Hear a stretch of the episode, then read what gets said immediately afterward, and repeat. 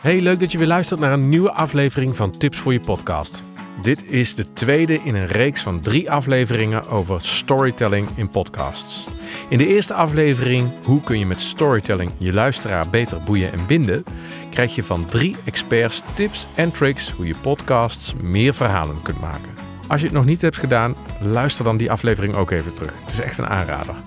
Een van die experts is San, van kinds af aan al verhalenmaker. En vandaag de dag maakt ze als freelancer videoverhalen voor diverse opdrachtgevers. Ben je benieuwd naar haar verhaal over storytelling? Luister dan deze aflevering.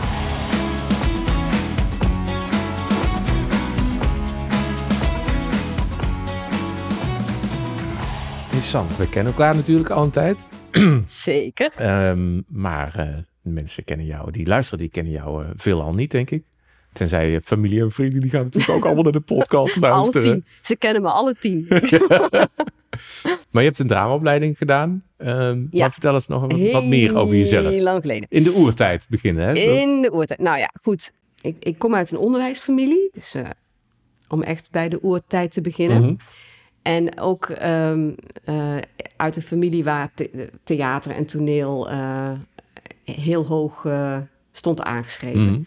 En daar deden we ook allemaal wat mee. Mijn vader was bijvoorbeeld amateur-regisseur, die, uh, naast dat hij schoolhoofd was.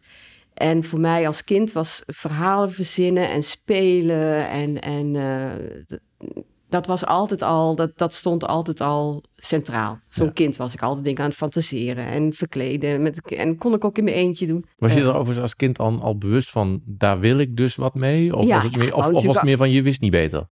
Nou, ik wou natuurlijk gewoon uh, toneelspeelster worden mm -hmm. als kind. Ja. Zeker. Had je een voorbeeld? Had ik een voorbeeld? Nou ja, hey, uh, ik keek uh, naar Hamelen. Oh ja. Ja, zo oud ben ik al. maar dat vond ik geweldig. Ja. Weet je, die, eh, als je het nu terugziet, dus bordkarton. Maar ja. toen, oh man, die hele wereld. En uh, toch ben ik niet naar de toneelschool gegaan. Ik, ik ben uiteindelijk dus dramatherapie gaan studeren. Mm -hmm. En um, daarna ben ik uh, via omzwervingen op de schrijversvakschool terechtgekomen. Mm -hmm. En de schrijversvakschool, uh, daar heb ik theater gestudeerd. Dus toneelschrijven. Ja. Dus zo was het kringetje eigenlijk weer rond. Want ja, schrijven doe ik ook al vanaf dat ik klein ben. Ja, ja. Maar goed, weet je, dus het heeft altijd een rode draad gevormd. In, in, voor mij. Ja. En het, is, het komt dus eigenlijk ook aan de ene kant heel natuurlijk. Uh, uh, ja, het gaat me van. Het, het zit in mijn, in mijn uh, karakter. Ja. Of in mijn wezen. Hey, want rode draad gevormd, dat doe ik nu nog steeds. Want wat ja. doe je nu? Nu maak ik nog steeds verhalen. Mm -hmm. Maar die zijn wat minder verzonnen en wat meer uh, uit de praktijk geplukt, mm -hmm. zeg maar. Mm -hmm. Momenteel maak ik heel veel uh, video's en uh, praktijkverhalen voor zorgopleidingen. Ja. En dan proberen... Ja, je bent zelfstandig, hè? Even, oh ja, het, oh ja. Ik, ja, dat is even schakelen, want ik weet dat natuurlijk allemaal. Ja, dat klopt, maar dat klopt. Ja. Je moet soms een beetje praten alsof... Dat is ook zo, ja, ja, ja. Er zijn natuurlijk talloze videobedrijven en video-ZZP'ers. Maar uh, jij heet... Story Department. Ja, dus je, je bent... Volgens mij staat ook op je site ergens dat je verhalen maakt. Klopt. Dus, ja. begint altijd met je verhaal. Ja. En uh, nou ja, Story Department, uh, elke studio in, in, uh, in Hollywood heeft een Story Department. En ja. daar komen de scripts binnen of daar worden scripts ontwikkeld. En zonder die scripts ben je natuurlijk nergens. Nee. Ik, ik wil gewoon heel erg ten dienste staan van iemand of van, van, van een verhaal. En ja. uh, ik, ik pik het op, ik, ik hoor het, ik, ik vertaal het. Oké, okay, mooi. Jullie weten nu ook wie San is. Maar San, wat is nou eigenlijk storytelling precies? En wat voor soorten verhalen zijn er? Storytelling brengt leven in, in wat je wil vertellen, mm -hmm. in, in je boodschap. Mm -hmm. Als jij daarin meegaat, en dan ga je misschien wel heel anders denken. Je wil mensen veranderen of in beweging brengen mm -hmm. of meekrijgen. Ik ben ooit begonnen uh, met een dramaopleiding mm -hmm. en uh, dramatherapie. Dus dan gebruik je drama en theater om contact te maken met mensen die het moeilijk hebben op, op de een of andere manier. Hè? En uh, ik heb heel veel met kinderen gewerkt. En wat mij dan opviel was inderdaad op het moment dat je, dat je samen een verhaaltje bedenkt, dat Ja. je een rol neemt, dat je dan veel makkelijker in contact komt, omdat het ook een bepaalde veiligheid geeft. Mhm. En dat is wat, wat verhalen ook doen. Ze geven een veilige context en dat, ja, dat is natuurlijk hartstikke mooi. Ja. Als dat lukt. Ja. Maar wat dus ook een heel belangrijk aspect is van een goed verhaal, Ja. dat je je erin herkent. Ja. Eh, Dat zit hem in je verhaal en in de opbouw en het zit ook in de beleving. Ja. Dus pak zintuigen mee. Maak het. eh, en, en ja, hoe fantastisch is het dat je dat met audio kunt doen? Ja. Want hoorspelen en, eh, en zo, dat, nou, dat, Ja, ik ben echt voor hoorspelen. ik ook. Ja. Ja, Ze ja, komen gelukkig een beetje terug. nu. ja, ja, ja. En, en die podcast, die pakken mij ook veel meer dan eh, inderdaad als het echt een verhaal is en je wordt meegenomen en je hebt al die, ja, je hebt ook een hele audio eh, verhaal erbij, dus dat die lager ook in zit. Hè? Ja. Nou, dat vind ik gewoon, ja, dat, dat zijn voor mij de, de sterkste Ja. podcasts. Ja. Ja, we hadden het over, over Corinne Heijerman, die, die ja, zoals ze zelf zegt, literaire podcast maakt. Ja. Die, die, eh, ik volgde een keer een workshop eh, waarin ze een aantal voorbeelden van zichzelf, maar ook van anderen. En eentje was over iemand met een eetstoornis, eh, een meisje. En dan kun je natuurlijk gewoon vertellen over die eetstoornis. Maar dat verhaal begon met dat het meisje beschrijft, die kon volgens mij op een gegeven moment alleen nog maar appels eten. Of appels hadden een belangrijk... eh, had een belangrijke rol in dat proces. Mhm. En dan hoor je dus aan het begin van die podcast, is er nog niks uitgelegd, hoor je heel close mic, dus dicht bij de microfoon, hoor je iemand een stukjes appel afbijten. ja. En ondertussen vertelt zij wat ze op zo'n moment beleeft. Nou, je zit meteen midden in dat ja, verhaal. ja, geweldig. Ja, Ja. daar ben ik dus ook heel gek op. Ja. Op dat soort, eh, eh, op, op zo'n manier van vertellen. Ja. En dat, ja, dat, ja, dat- inderdaad ook iemand die over ADHD eh, een, een audio, ja, eigenlijk ook een soort hoorspel had gemaakt. Ja, en geweldig. Die hele associatie Mhm. van haar brein. En dan op een gegeven moment dat je gewoon bij een walvis, dat je gewoon een walvis wordt. En je gaat er gewoon moeiteloos in mee. En je kunt het toch niet beter uitleggen dan op zo'n manier. Nee. Dat, dat meisje met die appel, dat, dat hakt er toch in. Dat voel je zelf. Ja. ja. En dat is nogmaals wat een goed verhaal moet doen, Ja. vind ik. Ja. Dat, eh, ja. zijn er ook verschillende type verhalen. Als je kijkt naar, nou, je noemde net Hollywoodfilms, dan is een beetje de, de bekendste voor mensen die zich verdiepen in storytelling, is de Heroic Journey, volgens mij. Mhm. De reis van de maar held. hoeveel, hoeveel varianten heb je? Hoeveel verhalen zijn er eigenlijk? Hoeveel basisverhalen? Ja, nou, ik heb wel eens gehoord, toen ik nog op de schrijversvakschool zat, er bestaat eigenlijk maar één verhaal. Eentje. De keukenmeidenroman. Ja. Nou goed, een, een klassiek verhaal heeft natuurlijk eh, eh, bepaalde elementen. Mhm. En die maken dat je, dat je erbij blijft. Ja. Hè, dus je hebt een, eh, je hebt een, een opening. Hè, waar Mhm. zijn we? Er was eens. En dan, dan komt, gebeurt er iets, een conflict. Mhm. En een conflict hoeft echt niet altijd ruzie te zijn. Maar er is, een, er is iets wat een verandering teweeg brengt. Mhm. En eh, daar ga je op acteren, daar, krijg, daar komt actie op, daar komen, dan komen ge- volgen gebeurtenissen zich op en dat gaat naar een hoogtepunt, een climax. En dan eh, gaat het weer eh, naar de afronding. Ja. En een, een, een, een goed verhaal zorgt ervoor dat de hoofdpersoon in mijn, eh, dat hij aan het einde, dat hij zeg maar onomkeerbaar is veranderd. Hij is veranderd in zijn karakter of in zijn, in zijn leven is anders en het wordt ook nooit meer hetzelfde. Nee. Dan heb je echt een goed verhaal te pakken. Ja. En ehm, je, hebt, je hebt verhalen die zijn plotgedreven Mhm. en je hebt verhalen die zijn meer karaktergedreven. Mhm. Kun Dus je het verschil uitleggen? ja, een plot is, is, is echt, nou ja, eh, een thriller bijvoorbeeld, er gebeurt iets spannends eh, of iets, iemand wordt vermoord. Of wat is, en en de, de wendingen zitten echt in de gebeurtenissen. Ja. Maar je hebt natuurlijk ook eh, bijvoorbeeld Kramer versus Kramer, ja, uit de oude doos, ik weet het maar dat is eigenlijk meer Zoek hem ehm, op, zoek hem op. een interne ontwikkeling die je ziet Ja. bij, het gaat over een echtpaar dat gescheiden is. En het speelt in de jaren zeventig. En je ziet een man eigenlijk helemaal van, van een, van een carrièrejager, zie je hem Mhm. helemaal een vader worden. Mhm. En eh, dat, dat, is, dat is echt, ja, dat is dus meer, veel meer karaktergedreven. Ja, waar de hoofdpersoon centraal staat. Eh, ja, ja, en Toch? dat, eh, ja, het is intern, zeg maar. Het, is, het gebeurt binnen die hoofdpersoon. Kijk, Ja, die hoofdpersoon ja. kan ook centraal staan bij Murder, She Wrote of zo. Of, nou, dat is een slecht voorbeeld. Maar in een thriller, hè? Murder, She Wrote, ja. Dat is waar, Het is man. echt allemaal vreselijk uit de oude doos. joh. Dan moet je er echt zullen we het allemaal zo uitknippen, hoor. Zullen we het zo ook over Flying Doctors Eh, gaan hebben? Casa de Papel. Ja, precies. Allemaal hele hippe dingen nu noemen. House of Cards. Ja, precies. Maar Nee, de dat House kan of niet meer, Cards... hè? nee. Dat kan niet meer. Nee, dat kan niet meer. Nee, dat klopt. Nee, ehm, maar dan zit er dus de ontwikkeling meer van binnen, zeg Ja, maar. ja, dus eh, ja. psychologische drama's. eh. En dan heb je ook nog comedy. Dat wou ik ook nog eventjes eh, eh, aantippen. Want ook een genre waar ik verschrikkelijk dol op ben. En vooral omdat het nooit... eh, die, die karakters ontwikkelen zich eigenlijk niet. Nee.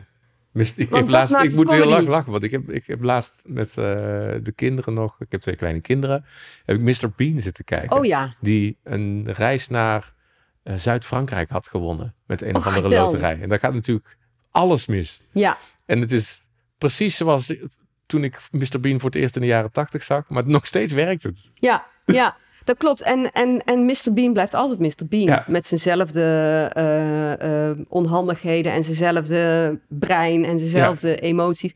Dus die zal nooit... eh, Mr. Bean wordt niet opeens verstandig of Nee. meelevend of zo. Nee. En dat is, dat is een karakteristiek van een comedy, in elk geval een comedy-serie dan. Hè? Want je Ja. hebt natuurlijk wel comedyfilms waarin dan wel...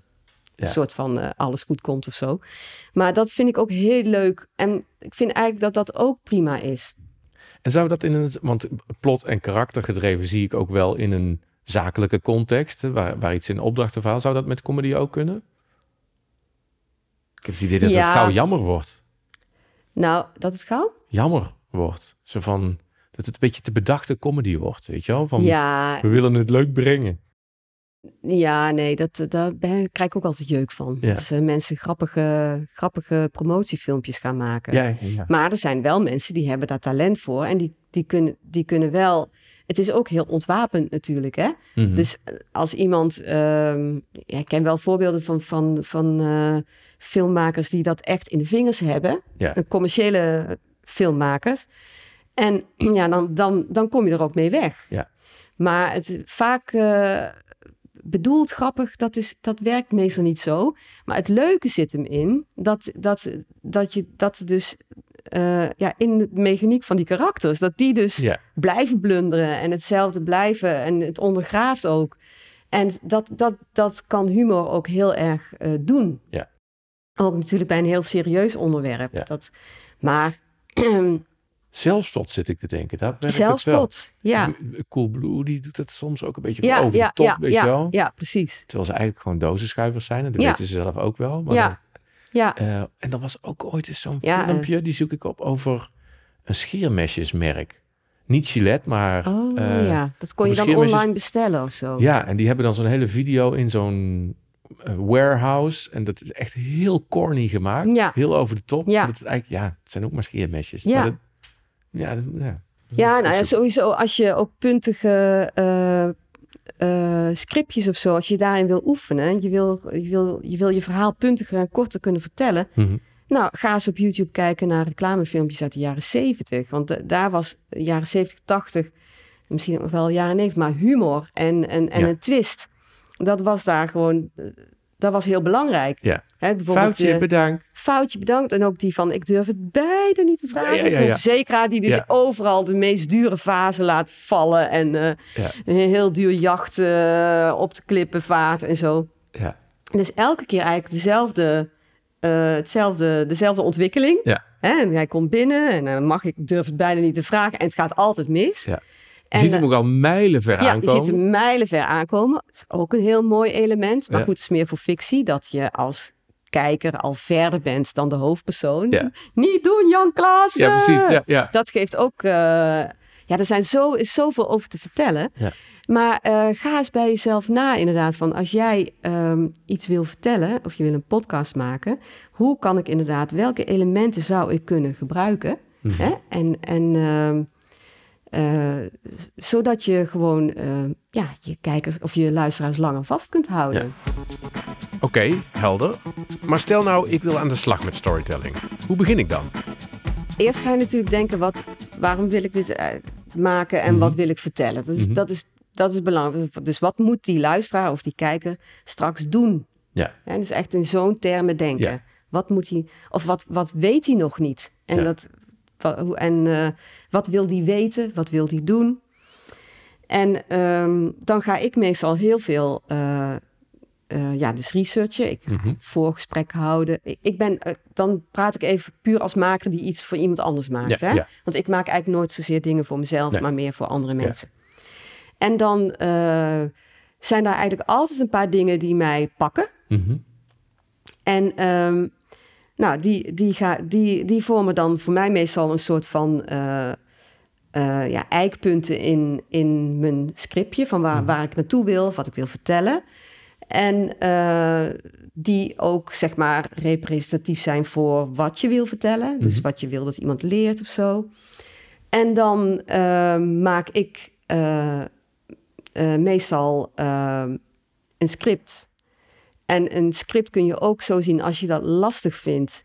Kun je ook bedenken van nou, ik, ik, heb, ik heb vijf hoofdstukjes. Mhm. En ik ga in vijf hoofdstukjes ga ik dit vertellen. Ja. En dan maak je gewoon hele korte blokjes van wat moet die eerst? Wat, wat, wat eh, is, komt voorop? En, Mhm. dan, nou, en dan maak je in blokjes eh, je verhaal. Dus Ja. je knipt het al meteen op. Dus Ja. je gaat het niet allemaal hele lappen tekst, maar je gaat het al meteen opknippen. Dus denk gewoon kort en bondig. En, ehm, en dan zou je daarna zou je kunnen gaan kijken van eh, bijvoorbeeld, eh, ja, waar zit, waar, ja, waar zit nou een, een hindernis of waar zit een vraag? Wat zou een omslagpunt kunnen zijn? Dat conflict wat je... Ja, wat je ja, precies. En waar zit bijvoorbeeld het element van, nou, even terugdenken van wat, wat wil ik graag dat mensen leren? Mhm. Oh, wat is dan het meest typische voor, voor dat punt? Ja. Nou, en hoe kan ik dat eh, op een spannende manier eh, vertellen? Dus Mhm. bijvoorbeeld het voorbeeld van dat meisje is hartstikke mooi met die appel. Ja, Hè, ja. Van, eh, nou, dat, dat je dan, dan heeft die, die maker er dus voor gekozen om te beginnen met, met, met het, het geluid van iemand die een appel eet. Ja. En ehm, nou, zo, zo zou je ook naar je eigen verhaal kunnen kijken. Van wat, dus in de opbouw, van hoe, hoe kan ik het spannend opbouwen? Mhm. Hè, dus niet meteen alles weggeven en alles uitleggen, maar bijvoorbeeld doseren of vragen oproepen die je dan weer beantwoordt. Ja. En ehm, hoe kan ik de beleving erin brengen? In dat proces kom je dingen tegen en pas je, schaaf je je verhaal bij. Je moet altijd wel zorgen dat je de rode draad in de gaten blijft houden. En eh, dingen vallen dan af. Ja. En hè, je kunt niet alles vertellen. Kill your darlings. Ja. Dat is ook een heel bekend principe. Ja, ja. En ik denk dat dat eigenlijk wel, dat merk ik wel eh, ook wel eens bij mensen die bijvoorbeeld voor het eerst een video maken. Of die, er er gaat dan soms ook veel geld mee gepaard. Of niet, heel veel tijd in elk geval, heel veel Mhm. energie. Maar je moet wel schiften. Je moet, je moet niet alles laten zien. Want dan, Je, je bedoelt, je merkt dan dat dat eh, niet altijd gebeurt. Dat ze te Ja, veel willen laten ja. zien of te veel willen vertellen. dus precies, je wilt te veel vertellen. Mhm. En, en eh, dat eh, gaat ten koste van je vertelkracht. Ja. Dus maak keuzes. Je kunt beter drie, een serietje van drie maken. Ja. Dan dat je alles in één video wil proppen. Of in één podcast wil stoppen. Of in één verhaal, een artikel wil stoppen. Heb jij nog, als je zegt van, goh, beste podcastluisteraar, eh je wil met storytelling aan de slag. Want Ja. mensen zijn tot nu toe, hè, zijn dat voorbeeld van, ik zet een recorder aan en dan heb ik een leuk gesprek. En dat zet ik op Spotify, dat, zo doe ik het tot nu toe. Maar ze willen echt vanuit het verhaal vertrekken. Ja, Kun je eens een tip? Want het is tenslotte tips voor je podcast. tips voor je podcast. Nou ja, ehm, een hele simpele manier is altijd om met de vijf W's te beginnen bijvoorbeeld. Hè? Ken ik nog uit mijn eh, PR-tijd. Dat Ja. ik persberichten schreef. Ja, Moest ik ook altijd met de nou vijf ja beschouw je podcast eens een keer als een persbericht. Dus probeer op één A4'tje de hoofdpunten te zetten. En denk dan eens in eh, wie, wat, waar, wanneer en hoe. Ja.